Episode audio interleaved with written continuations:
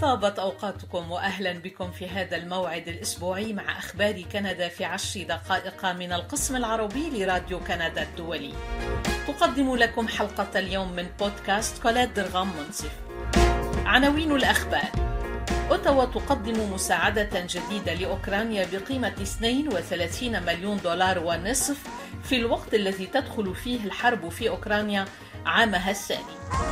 جوجل تحظر وصول المحتوى الإخباري إلى مستخدمين كنديين. واتفاق مبدئي بقيمة 74 مليار دولار بين أونتاريو وأوتاوا في تحويلات الصحة. تفاصيل الأنباء.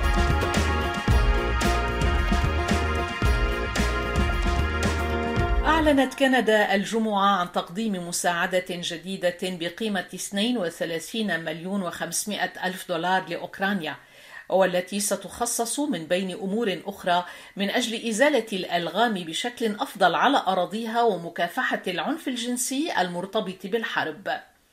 تتوزع المساعدات التي أعلنت عنها وزيرة الخارجية في الحكومة الاتحادية ميلاني جولي على النحو التالي: يتم إنفاق 700 مليون دولار ونصف على أنشطة إزالة الألغام.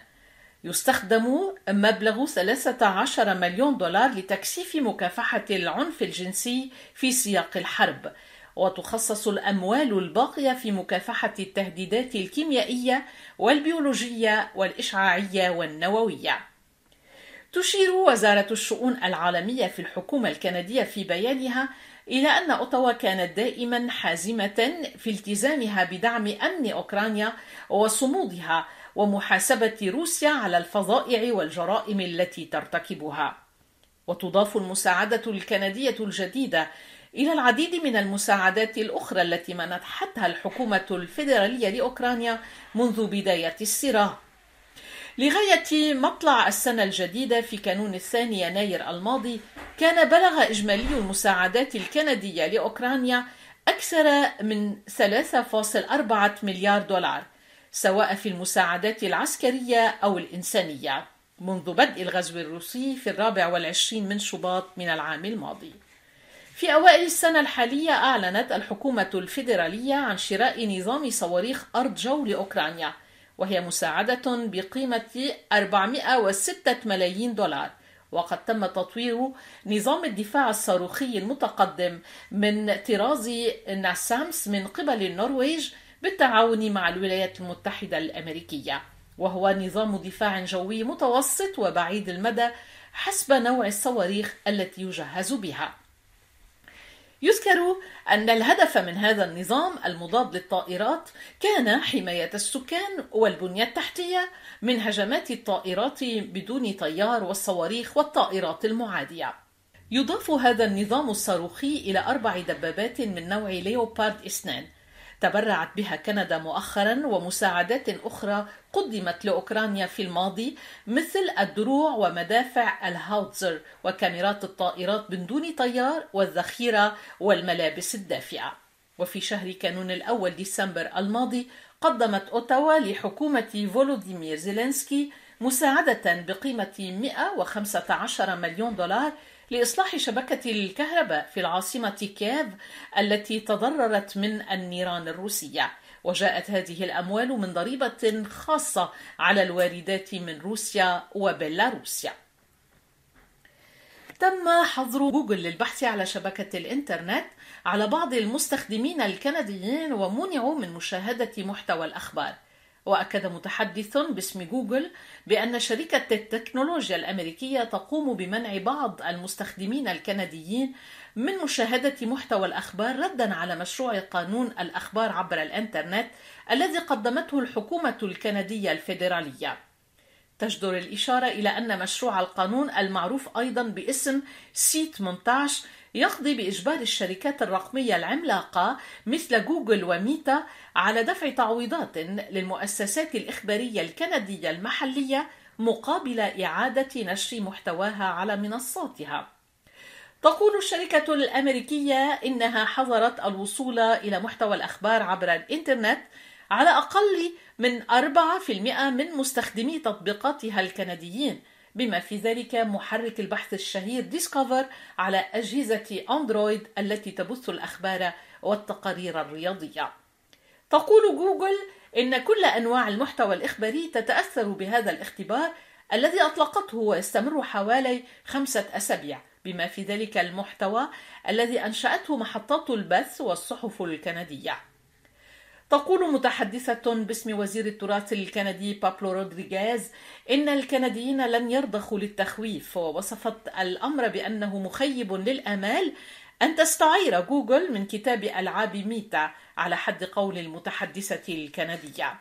وكانت شركة ميتا المالكة لفيسبوك وإنستغرام قد هددت بحظر المحتوى الإخباري عن منصاتها في كندا العام الماضي ردا على مشروع القانون C 18 في رده على أسئلة وكالة الصحافة الكندية قال المتحدث باسم جوجل شاي بوردي نحن نختبر لفترة وجيزة الاستجابات المحتملة على مشروع القانون الفيدرالي والتي تؤثر على نسبة صغيرة جدا من المستخدمين الكنديين. وأضاف المتحدث في بيان مكتوب بأن شركة جوجل تجري آلاف الاختبارات كل عام لتقييم أي تغييرات محتملة في محرك البحث الخاص بها.